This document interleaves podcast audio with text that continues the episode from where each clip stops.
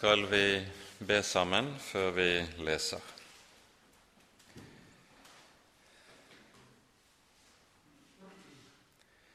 Så takker og lover vi deg, Herre vår Gud, at du har gitt oss ditt hellige evangelium, og at vi gjennom det skal eie en fullkommen frelse i din Sønn. Takk, Herre Jesus, at du kom. Takk at du ga deg selv i vårt sted. Takk at du var villig til å bære hele tyngden av vår skyld, av våre fall, av alt det som ondt er i våre liv, i våre hjerter. Kjære gode Herre, vi ber deg at du alltid vil sende oss din Hellige Ånd, og gi oss å våke i ordet ditt, at du gir oss stadig på ny å vekkes opp, slik at vi forblir avhengige av evangeliet, og ikke blir slike som klarer oss uten. Herre, kom du, vær hos oss denne kvelden. Send din Hellige Ånd og åpenbar Ordet for våre hjerter. Amen.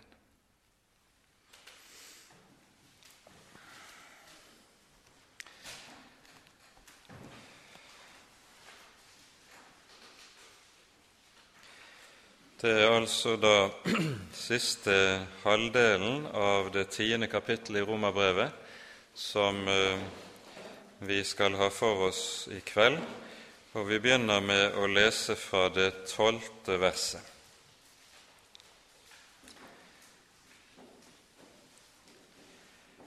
Det er jo ingen forskjell på jøde og greker. De har alle den samme Herre, som er rik nok for alle som påkaller ham. For hver den som påkaller Herrens navn, skal bli frelst. Hvorledes kan de da påkalle den de ikke tror på, og hvorledes kan de tro der hvor de ikke har hørt, og hvorledes kan de høre uten at det er noen som forkynner? Og hvorledes kan de forkynne uten at de blir utsendt? Som skrevet er, hvor fagre deres føtter er som forkynner fred, som bærer godt budskap.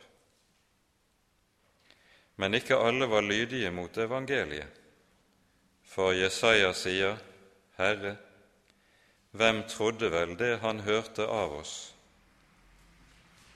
Så kommer da troen av forkynnelsen, og forkynnelsen ved Kristi ord. Men jeg sier, har de da ikke fått høre? Jo, visselig. Deres røst gikk ut til all jorden, og deres ord til jorderikets ende. Men jeg sier, kjente da ikke Israel til det? Først sier Moses, Jeg vil gjøre dere nidkjære på det som ikke er et folk, på et uforstandig folk vil jeg gjøre dere harme. Og Jesaja våger seg til å si, Jeg ble funnet av dem som ikke søkte meg. Jeg åpenbarte meg for dem som ikke spurte etter meg. Men om Israel sier han, Hele dagen rakte jeg mine hender ut til et ulydig og gjenstridig folk. Amen. Vi er altså fortsatt inne i dette hovedavsnitt i Romerbrevet, der det tales om forholdet mellom Israel som Guds utvalgte folk og hedningene. Og det tales om hvorledes Israel har avvist og forkastet evangeliet, mens hedningene som ikke søkte det, de har fått del i det. Vi hører avsnittet som vi har for oss i kveld, begynner i vers 12 med noe som er ganske fundamentalt i Det nye testamentets evangelieforkynnelse. Vi hører før dette i vers 11 det sies:" Hver den som tror på ham, skal ikke bli til skamme. Paulus siterer her fra et vers i Jesaja 28 som han også har vært inne på tidligere i kapittel 9. Og så hører vi i tilknytning til dette det lyder til oss som sies i vers 12. Det er jo ingen forskjell på jøde og greker. Det som er poenget med det Paulus her sier, det er at løftene i Det gamle testamentet, som taler om den kommende frelse, de gjelder ikke bare for jødene, men også for hedningene. Det er slik at sånn som en, del av, en god del av løftene i Det gamle testamentet for, kan forstås ut fra sammenhengen de står i, så er de rettet til det jødiske folk. Men nå sier apostelen altså dette som er talt og gitt til det jødiske folk, det gjelder også uten forskjell hedningene. Det er jo ingen forskjell, sier apostelen. De har jo den samme Herre. Og Denne begrunnelsen skal vi merke oss. Vi hører Paulus begrunner evangeliebudskapet på samme måten i det tredje kapittelet. Vi, vi leser bare et par vers i slutten av kapittel 3. Der sier apostelen slik ifra vers 28.: Vi holder for at mennesket blir rettferdiggjort ved tro uten lovgjerninger. Eller er Gud bare jøders Gud, er han ikke også hedningers? Jo, han er også hedningers. Så sant Gud er én, og han rettferdiggjør de omskårne av troen og de uomskårne ved troen. Legg merke til dette. Apostelen viser til dette at Gud er én. Og fordi Gud er én, er hans gjerning den samme overfor alle mennesker. Alle mennesker frelses på samme grunnlag. Det løftet som gjelder til Israel om frelse, det gjelder altså uten forskjell også for hedninger. De har alle den samme Herre. Det er begrunnelsen som apostelen viser til.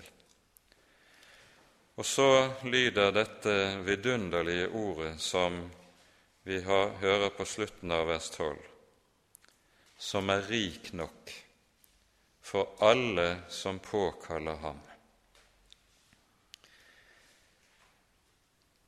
Det har av og til vært sagt slik at Gud har et forrådskammer, et skattkammer.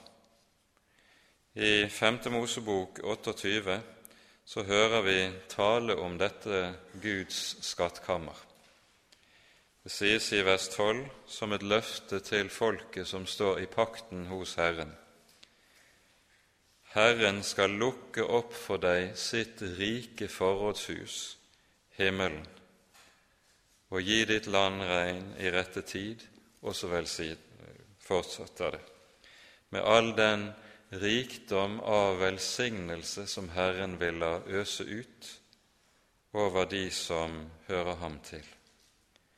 Han er rik nok for alle som påkaller ham. Denne Guds rikdom den understreker altså vår bibel for oss på mange ulike måter. Den taler om at i evangeliet er Gud ikke knegen, knipen, gjerrig, men han øser ut av sin fylde over oss. Vi kan minne om ordene i Fesane 1.3, der Paulus nettopp takker Gud for denne velsignede rikdom som Herren har utøst over sine i evangeliet. Lovet være Gud og vår Herre Jesu Kristi Far, Han som har velsignet oss med all åndelig velsignelse i himmelen i Kristus. Altså eier du Kristus, så eier du også all hele himmelens fylde av velsignelse.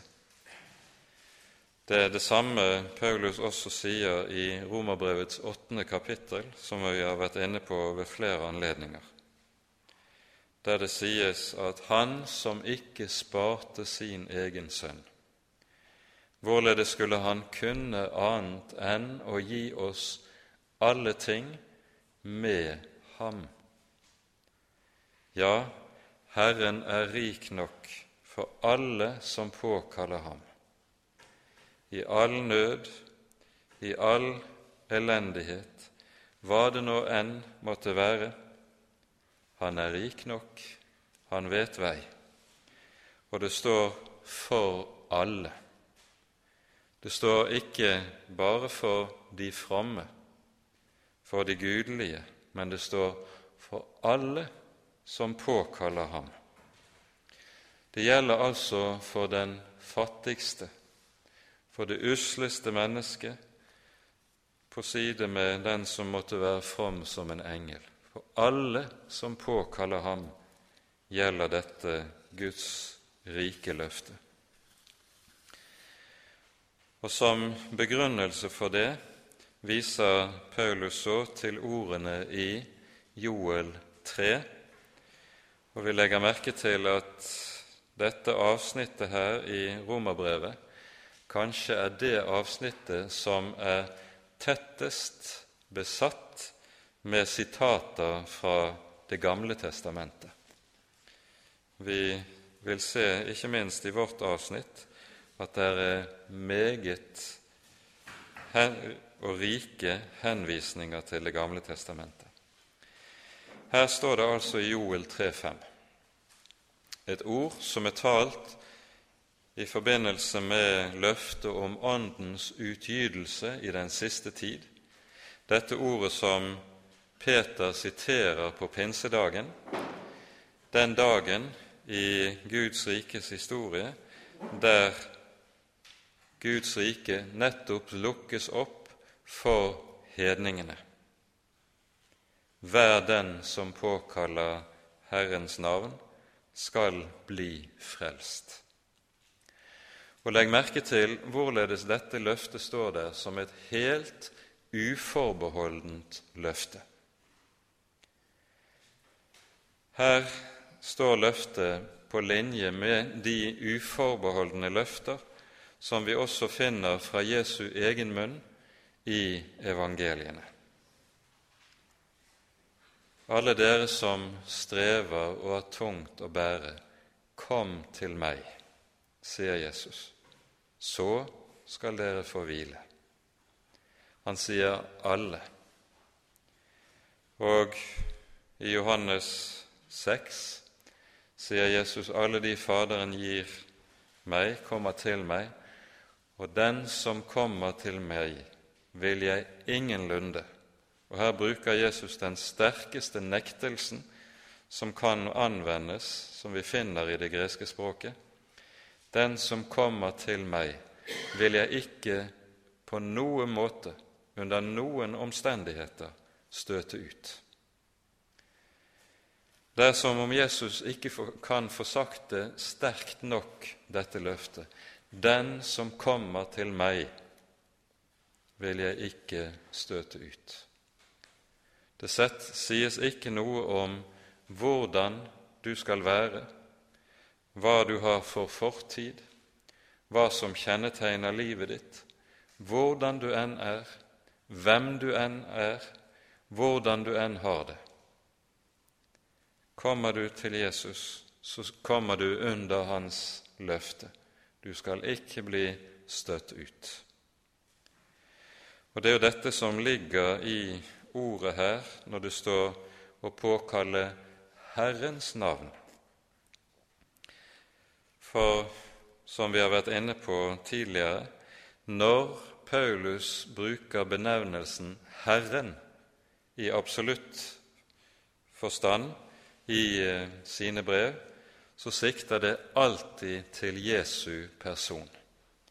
Herren er navnet på Jesus og benevner Jesus som Gud, som Det gamle testamentets Gud. Og Det det altså er tale om her, det er at hver den som påkaller Jesu navn, skal bli frelst.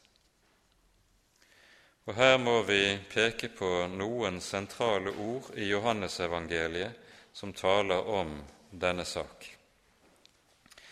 Jesus sier i Johannes 8 følgende i en eh, stridssamtale med en gruppe fariseere.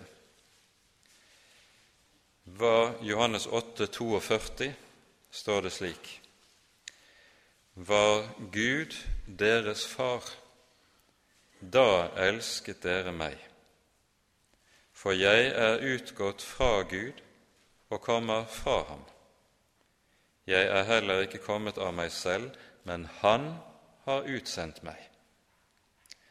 Altså selve kjennetegnet på at et menneske står i et rett forhold til Gud, det er nettopp forholdet til Jesu person. Det er i forholdet til Jesu person det viser seg om gudsforholdet er rett. Det er mange som er religiøse. Det er mange som tror på Gud. Men spørsmålet er hvordan stiller de seg til Jesus? Hvordan stiller de seg til Han som kom for å bære deres synder? Det er spørsmålet. I Johannes 6, vers 44 og 45 sier Jesus følgende.: Ingen kan komme til meg uten at Faderen som har sendt meg, drar ham, og jeg skal oppreise ham på den ytterste dag. Det står skrevet i profetene. De skal alle være lært av Gud. Hver den som hører av Faderen og lærer, han kommer til meg, sier Jesus. Det er samme sak, dette når Faderen arbeider på menneskenes hjerter, så arbeider han slik at han nettopp drar mennesker til Jesus.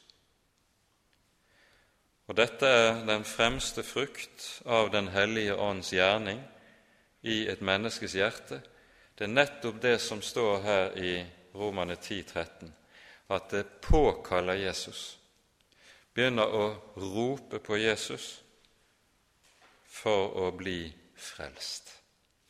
Og når Paulus her sier sånn som han gjør, hver den som påkaller Herrens navn, skal bli frelst, så skal vi være, ha i minne dette at ordet frelse det brukes i to betydninger i Det nye testamentet. Både brukes det i den betydningen som vi finner som vi vanlig finner i kristen dagligtale, når et menneske kan si om seg selv at han er frelst. Men ordet frelse brukes også i en annen betydning, nemlig om det å nå frem til det fullkomne Guds rike, slik at en altså er nådd hjem til Gud og får del i det evige liv på, i den nye himmel på den nye jord. I disse to betydninger anvendes ordet frelse, og begge betydningene klinger med i dette verset. Nå kommer så Paulus fra vers 14 av så med et innskudd der han taler om evangelieforkynnelsens nødvendighet. Og Det som er Israels ulykke i denne sammenheng, det at Israel nettopp har avvist evangelieforkynnelsen. Det er bakteppet for det vi her hører. Når Paulus nå taler om dette, evangelieforkynnelsens nødvendighet, så henger det sammen med at Guds råd til frelse er noe som nettopp virkeliggjøres gjennom at evangeliet får lyde i en fallen menneskehet. Og så hører vi her en spørsmålskjede. Det er fire spørsmål som så å si griper inn i hverandre, og det hele har til hensikt å vise hvorledes ingen kan påkalle Jesu navn uten at det er noen som er utsendt for å forkynne evangeliet. Og så siteres det fra, i denne sammenheng fra Jesaja 52. Vi kan kanskje slå opp i dette ordet i Jesaja 52. For her hører vi et sitat som i Jesaja 52. kapittel er talt inn i en ganske bestemt sammenheng, der det ses frem imot den tid der det jødiske folk er i fangenskap i Babylon. En fangenskap som er uttrykk for Guds dom, Guds vrede over Israel. Men så har profeten, som vi leser det i de foregående kapitler, talt meget om at det kommer en dag da Gud vil oppheve denne dom og fri folket fra fangenskapet. Og slik skal det komme noen som forkynner godt budskap. Vi leser Jesaja 52,7. Hvor fagre er på fjellene dens føtter som kommer med gledesbud, som forkynner fred, som bærer godt budskap, som forkynner frelse, som sier til Sion, din Gud er blitt konge.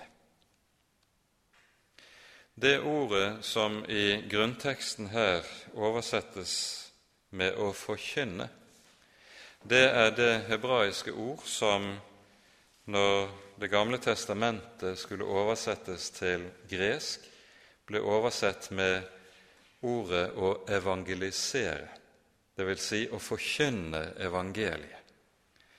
Ordet evangelium betyr jo nettopp et godt budskap. Det er det som er grunnbetydningen av ordet, og det er altså det som ligger bak, og det er slik Paulus også omsetter det her i Romane 10. Hvor fagre er deres føtter, som forkynner fred, som bærer godt budskap. Evangeliet er nettopp et sånt fredsbudskap. Og vi kunne her passende vise til hvordan Gud har gjort troen avhengig av nettopp at det utsendes noen til å forkynne evangeliet. Vi har et veldig godt eksempel på dette i apostelgjerningene, der vi hører om hvorledes Peter i kapittel 10 blir sendt av sted til å forkynne evangeliet for den første hedning i Kornelius' hus. Her er det sånn at Peter på den ene side først får en særlig åpenbaring fra Herren som skal lære han at han ikke skal regne hedninger for urene.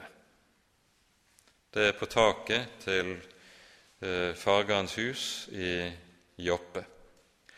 Og så samtidig så kommer en engel og besøker Kornelius og sier at han skal sende bud til Joppe, der han skal finne Peter, og så står det i det ellevte kapittelet eh, at, i vers 14 at engelen sier til Kornelius Han, altså Peter, skal forkynne ord til deg som du skal bli frelst ved. Legg merke til det uttrykket. Han skal forkynne ord til deg som du skal bli frelst ved.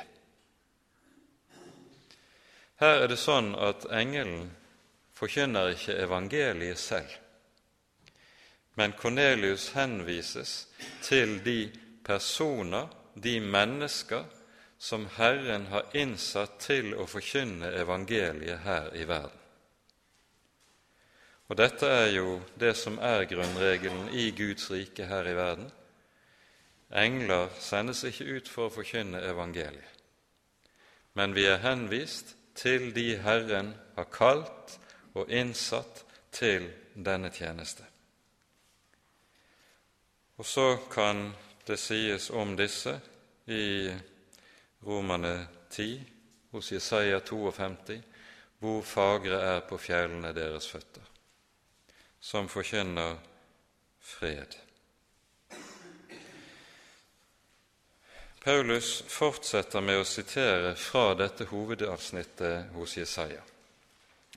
Når han har sitert Jesaja 52 om det budskap som skal lyde til de som sitter i fangenskap i Babylon, så henger det sammen med at utfrielsen fra fangenskapet i Babylon det blir et forbilde på frelsen som kommer med Messias. Folket satt nettopp i fangenskap under Guds dom, under Guds vrede. Og så er det nettopp til noen som sitter under dommen og under vreden, budskapet lyder om fred, om frihet, altså om at Herren ikke lenger er vred. Og det er det evangeliet jo også dreier seg om. I Kristus er vreden tatt bort, i Kristus er vi fri. Og så blir denne, dette budskap det blir altså et forbilde på evangelieforkynnelsen med budskapet om fred for de som satt under dommen og i mørket.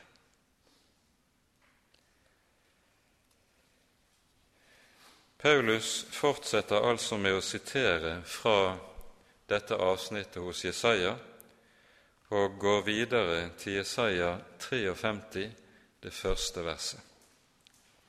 Herre, hvem trodde det budskap vi hørte?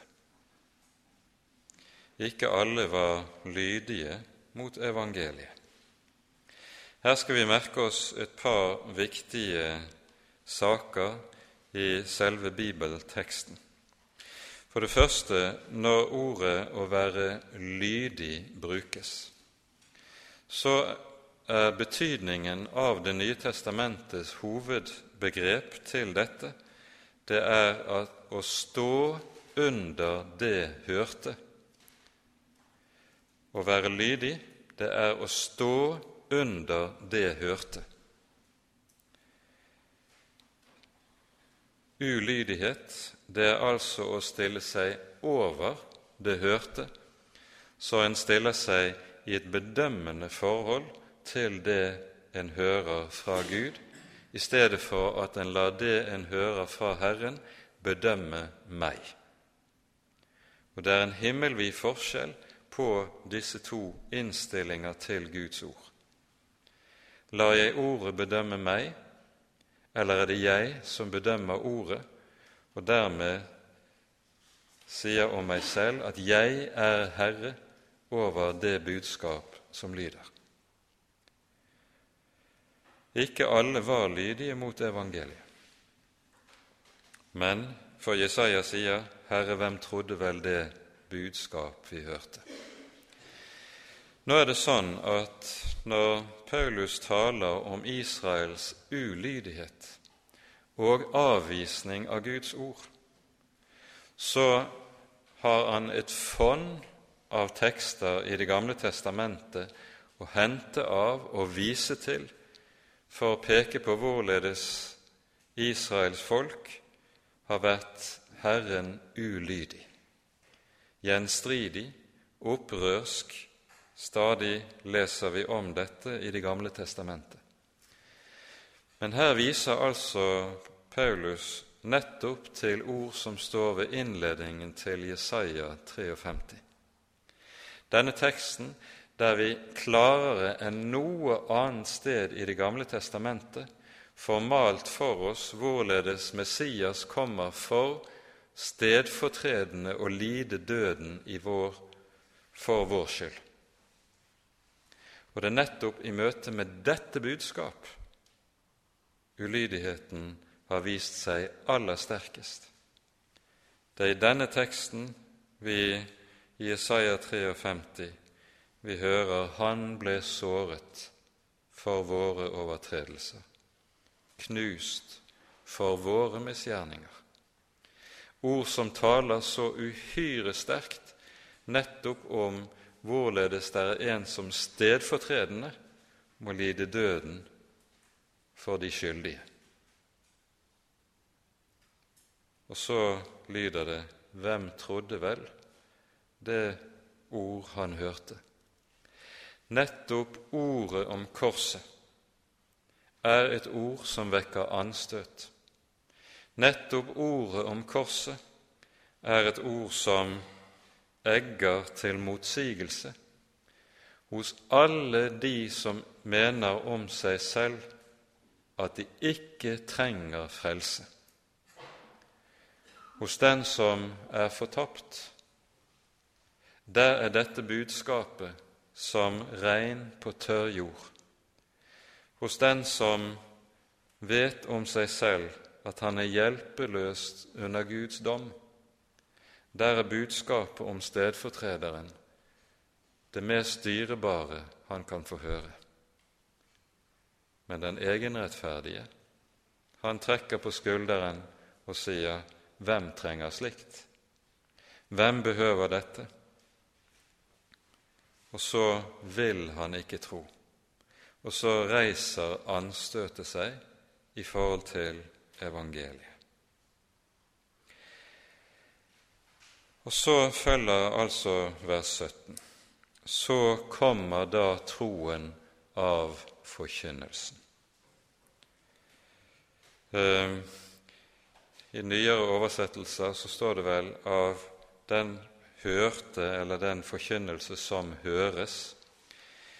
I grunnteksten er dette uttrykt på en så kompakt måte at det er vanskelig å gjengi det i norsk språk uten at en, det blir nesten ubegripelig, og derfor har man en viss omskrivelse.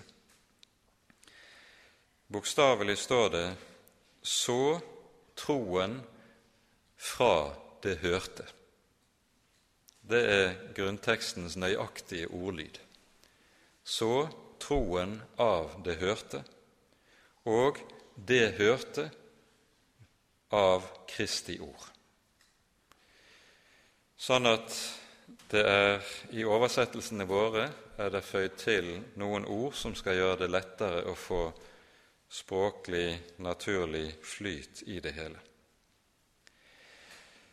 Det første vi merker oss her, det er at eh, det står 'det hørte'.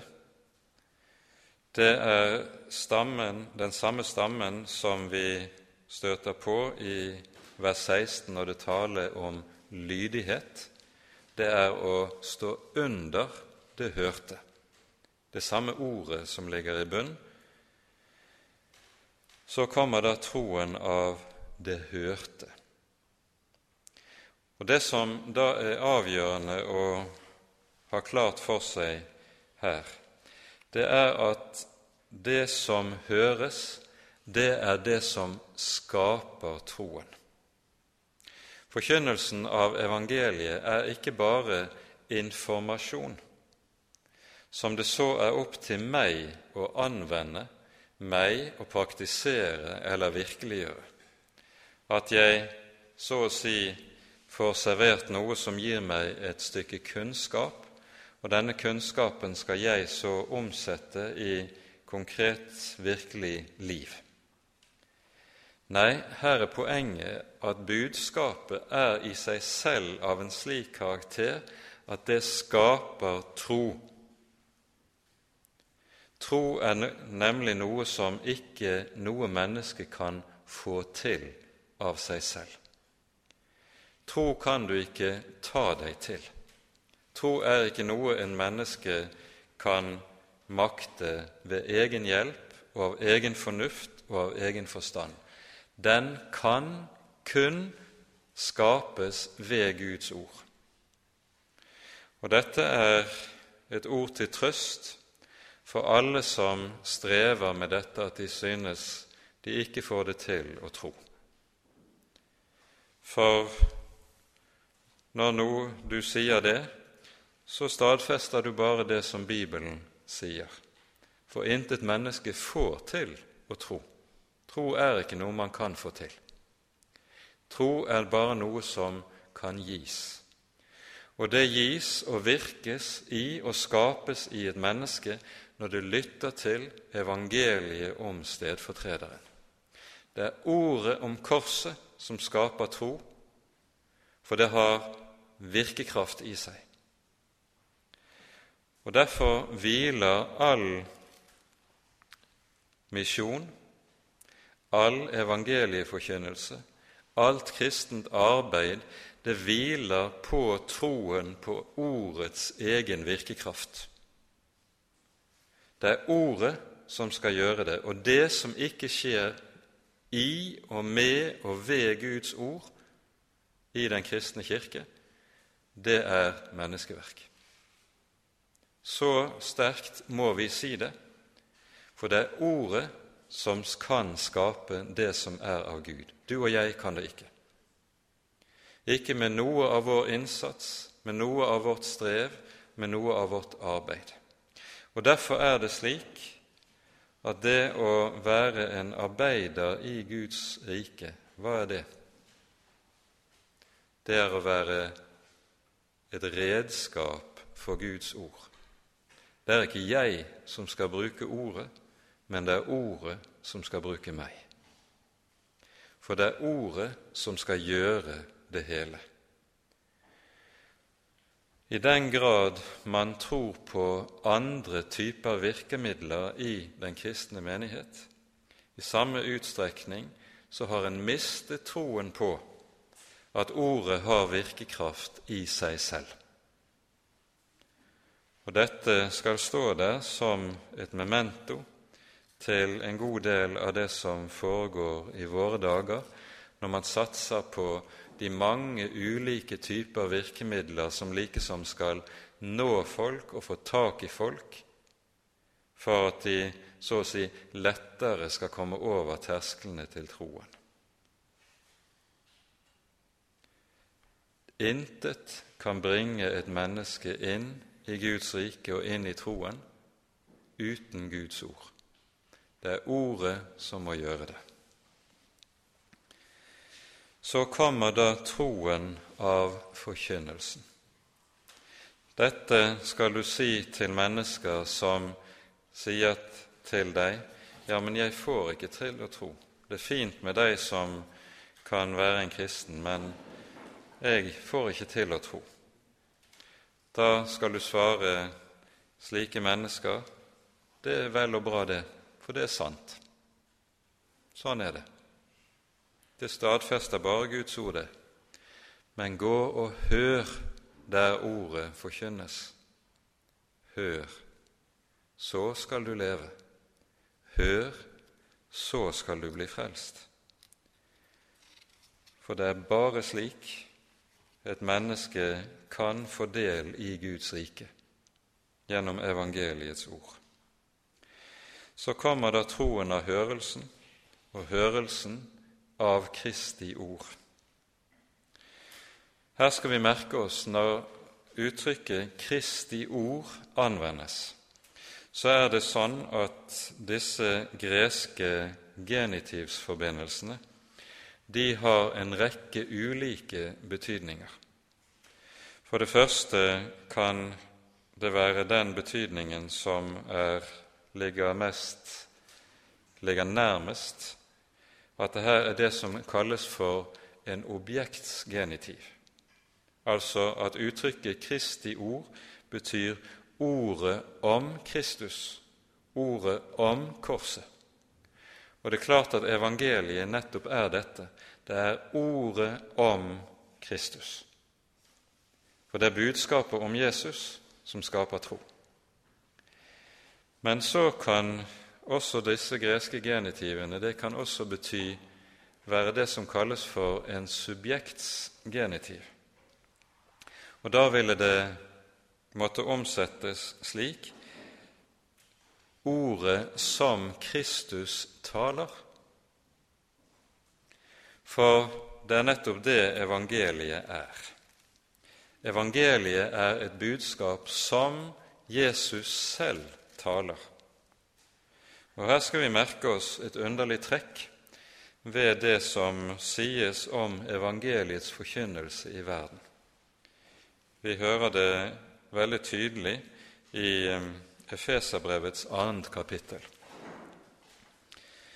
Her tales det i siste halvdel av kapittelet om hvorledes Jesus ved korset skaper fred. Han er vår fred, sies det. Og så sies det fra vers 17.: Og Han kom og forkynte fred for dere som var langt borte, og fred for dem som var nær ved. Det taler om Jesus her. Han kom og forkynte fred for dere som var langt borte. Dette skriver altså Paulus til menigheten i Efesos. Var Jesus noen gang legemlig i Efesos? Nei, det var han ikke. Men likevel så sier altså apostelen at det er Jesus som har forkynt fred for dem som er i Efesos. Hvordan kan Paulus gjøre det? Jo, det kan han gjøre på det grunnlaget at der Herrens ord blir rett forkynt, der er Herren selv til stede, virkekraftig til stede, på en slik måte at det å høre sann og levende forkynnelse av evangeliet, det er å høre Jesus selv. Og Derfor kan apostelen altså si han kom og forkynte fred for dere som var langt borte. For det tredje kan denne genitivsforbindelsen være det som kalles for en opphavsgenitiv. Altså det taler om det budskap som har sitt opphav i Kristus, og som Kristus altså har gitt videre til andre for at de skal forvalte det og bære det videre. Det er dette Jesus er inne på i Lukas 10, 16, når han taler til apostlene, taler om den fullmakt han har gitt apostlene, og sier om dem:" Den som hører dere, hører meg. Og den som forkaster dere, forkaster meg. Altså Jesus har gitt apostlene et ganske bestemt budskap som de bærer videre. Og det å høre dette budskap som Kristus har gitt, det er altså ensbetydende med å høre ham selv. Så kommer da troen av forkynnelsen, og forkynnelsen ved Kristi ord. Men jeg sier, har de da ikke fått høre? Jo, til visse. Deres røst gikk ut til all jorden, og deres ord til jorderikets ende. På ny taler Paulus altså her om det jødiske folk og peker på at når de ikke tror evangeliet, så er det ikke fordi de ikke har fått høre det. Tvert om, de har sannelig både hørt og møtt det. Men så har altså Paulus her en underlig skrifthenvisning. Han viser til et ord fra Salme 19. Salme 19 er en salme som i sin helhet taler om Guds ord, om åpenbaringen. Denne salmen er delt i to deler. I det det er slik at første del av salmen taler om det vi kan kalle for den alminnelige åpenbaring, altså åpenbaringen i naturen, den som Paulus også er inne på i Romerbrevets første kapittel, når han sier at Gud har i naturen, i skaperverket, åpenbart sin allmakt, sin evige herlighet og majestet. Derfor er de uten unnskyldning, sier han. I Salme 19 er det altså slik at fra vers 1 til vers 7 tales det om den alminnelige åpenbaring, hvorledes Gud taler i naturen og gjennom naturens under. Og så sies det nettopp i vers 5, som vi hører Paulus siterer, over all jorden utgår deres målesnor, og til jordrikes ende deres ord. Og så fra vers 8 av tales det om hvorledes Guds ord er gitt åpenbart til menneskene, og hvorledes det som vi altså kaller den spesielle åpenbaring, der Herren trer frem og personlig åpenbarer seg tydelig og klart, slik at Herren kan la seg kjenne av menneskene. Og det er tydelig at når Paulus taler om evangelieforkynnelsen, så anvender han dette ordet om den allmenne åpenbaring som noe som også dekker evangeliet, også det har lydd i all jorden, over all jorden. Vi skal ikke si mye om Salme 19, men bare peke på et viktig ord her i vers 8. Det står Herrens lov er fullkommen, den vederkveger sjelen. Ordet lov, det er, som oversettes med lov, det det ordet som vanligvis omsetter, betegner de fem Mosebøkene i Det gamle testamentet. Men ordet betyr bokstavelig ikke lov, men det betyr lære. Herrens lære er fullkommen. Og så står det 'den vederkveger sjel'. Grunntekstens uttrykk betyr bokstavelig 'den omvender sjelen'. Omvendelse det er nemlig ikke noe som står i et menneskes egen makt. Det er noe som Herren virker og skaper ved sitt ord, ved å la sin hellige lov lyde. Herrens lov er fullkommen. Den omvender sjelen. Du og jeg kan nemlig ikke omvende oss selv. Også det er en gjerning som Gud utfører ved sitt ord, som virker hva det nevner. Dette skal vi ha i minne, fordi det som er tankegangen hos Paulus når han siterer fra Det gamle testamentet, det er alltid det at han underforstår ikke bare det han konkret siterer, men også hele den tekstsammenheng som han siterer fra. Når han siterer ett enkelt vers fra Det gamle testamentet, så gjør han det fordi dette verset ganske kort og komprimert setter ord på og sammenfatter det som er budskapet i hele den tekstsammenheng som ordet står i.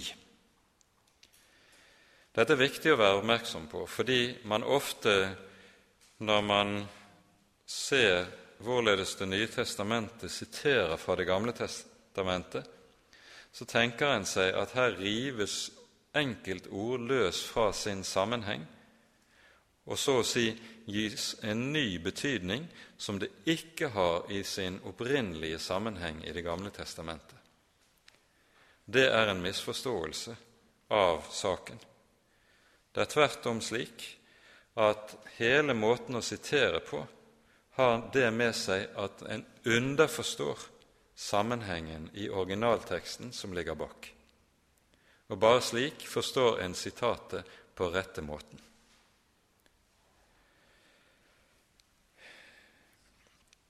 Nå fortsetter Paulus med å vise til et underlig ord i 5. Mosebok 32, som vi så hører i vers 19, der poenget er at i denne teksten så forutsier Moses hvorledes Israel i fremtiden kommer til å falle fra Herren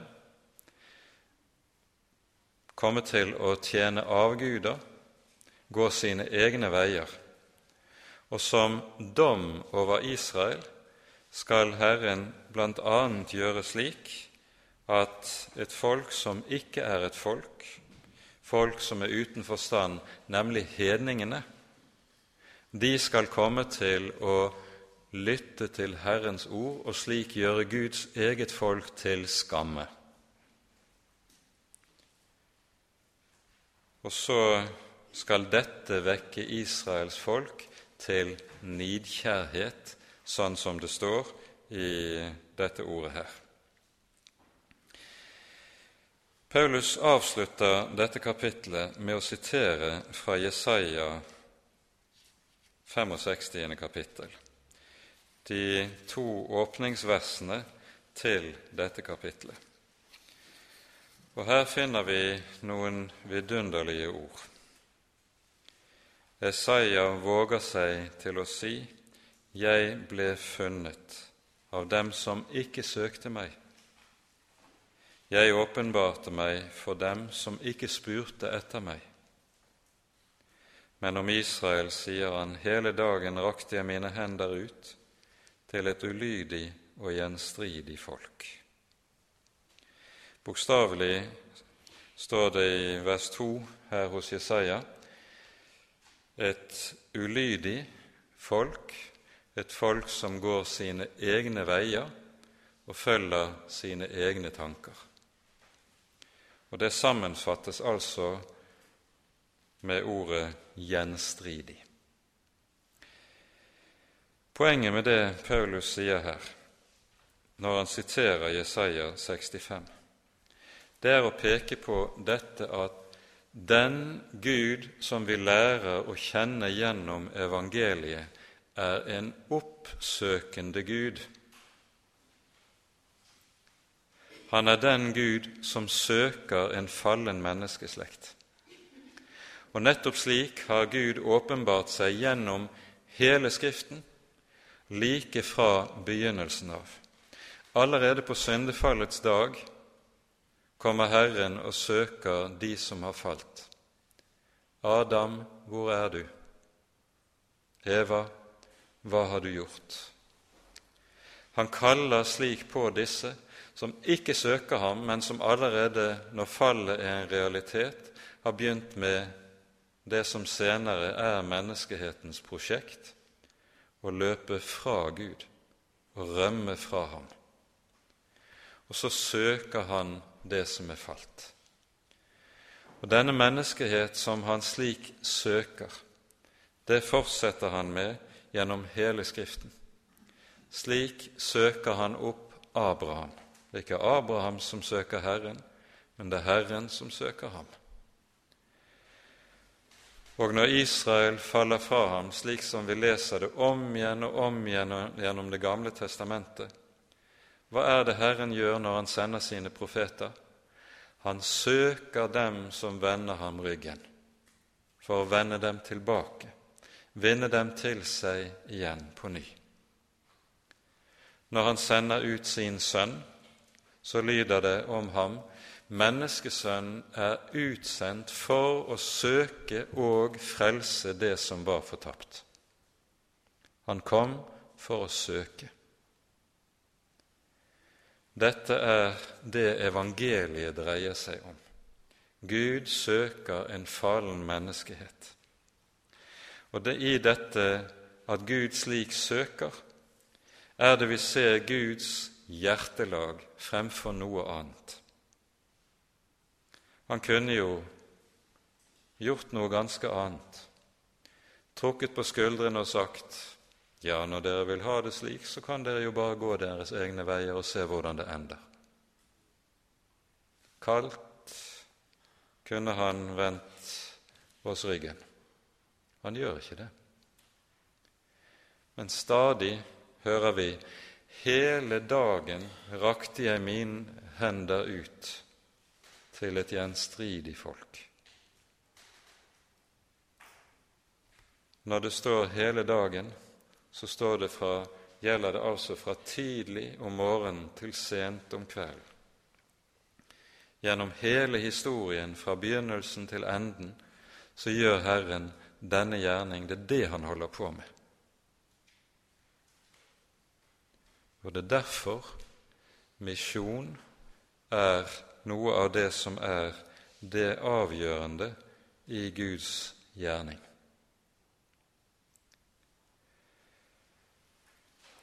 Vi skal nøye merke oss hva Paulus sier om seg selv, som vi har vært inne på i kapittel 9. Han sier om seg selv Jeg har en stor sorg, en uavlatelig gremmelse i mitt hjerte. Han taler om altså dette hjertelag hos seg selv, som er Kristi eget hjertelag. Han ser en menneskehet, han ser sitt eget folk, som er på vei mot fortapelsen. Og det er ikke noe han heller kalslig bare trekker på skulderen av, men det er en sorg for ham, det er en nød for ham. Det samme ser vi hos Herren Jesus. Og så hører vi Jesus tale og sier når han ser folket. Det står om dem de var ille medfarne og forkomne, som får som ikke har hyrde. Og så sier han til disiplene.: Be derfor høstens Herre at han vil drive arbeidere ut til sin høst. Så kunne vi stille spørsmålet er det dette hjertelaget som gjelder hos oss? Eller er vi blitt så preget av den velstand vi lever i, at vi bruker evangeliet til å innrette oss mest mulig bekvemt og behagelig her i verden, slik at det at vårt neste er på vei mot fortapelsen, det volder oss knapt en tanke. Vi trenger å stille oss selv det spørsmålet. For det som er Herrens gjerning, det er at han søker å frelse det som er fortapt. Og hans menighet er satt her i verden med tanke på to ting. For det første at ordet skal lyde til de fortapte, til frelse. Og dernest at de som har fått høre dette ord og er kommet til tro på evangeliet, de skal bli bevart. Dette er de to grunner til at Herren har en menighet her i verden. Ordet skal lyde til frelse, til omvendelse for de fortapte.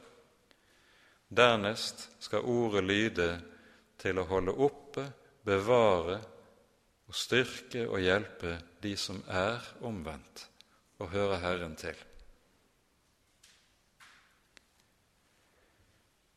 Herren sendte sine tjenere ut, hører vi i lignelsen om det store gjestebudet. Gå ut på veiene og på veikjelene og innby de lamme og de halte og de dere kan finne, for at mitt hus kan bli fullt, sier han, for at mitt hus kan bli fullt. Vi trenger å stille oss spørsmålet om vi for vår egen del er blitt såpass bekvemmelig innrettet at dette ikke lenger er noen hjertesak for oss.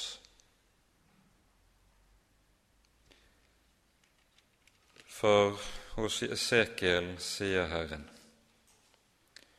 Skulle jeg ha behag i den ugudeliges død, sier Herren, Israels Gud, Mann ikke heller i at han vender om fra sin vei, så han får leve.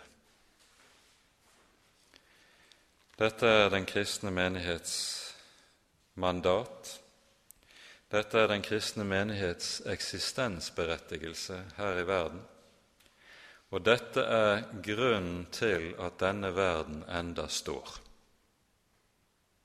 Jesus sier,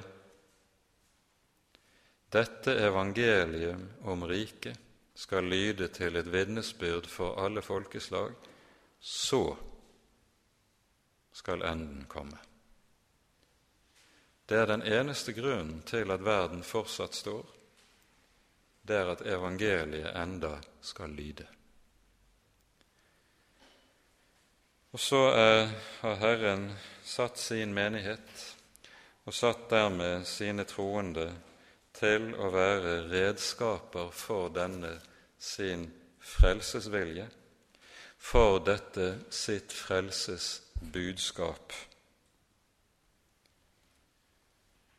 Og så sier Herren, jeg ble funnet av dem som ikke søkte meg, jeg åpenbarte meg for dem som ikke spurte etter meg. Men om Israel sier han, hele dagen rakte jeg mine hender ut til et ulydig og gjenstridig folk. Vi står i samme situasjon. Vi står også i en situasjon der vi har så å si et ulydig og gjenstridig folk omkring oss. Men Herren slutter ikke å rekke ut sine hender. Så skal vi også la evangeliet lyde så skal det kalle til bønn, og det skal kalle til ny besinnelse på at Herrens ord, det er det som skal forbruke oss og anvende oss her i tiden. Med det setter vi punktum for denne timen, og så får vi fortsette videre til høsten. Ære være Faderen og Sønnen og Den hellige ånd, som var og er og være skal, en sann Gud, høylovet i evighet. Amen.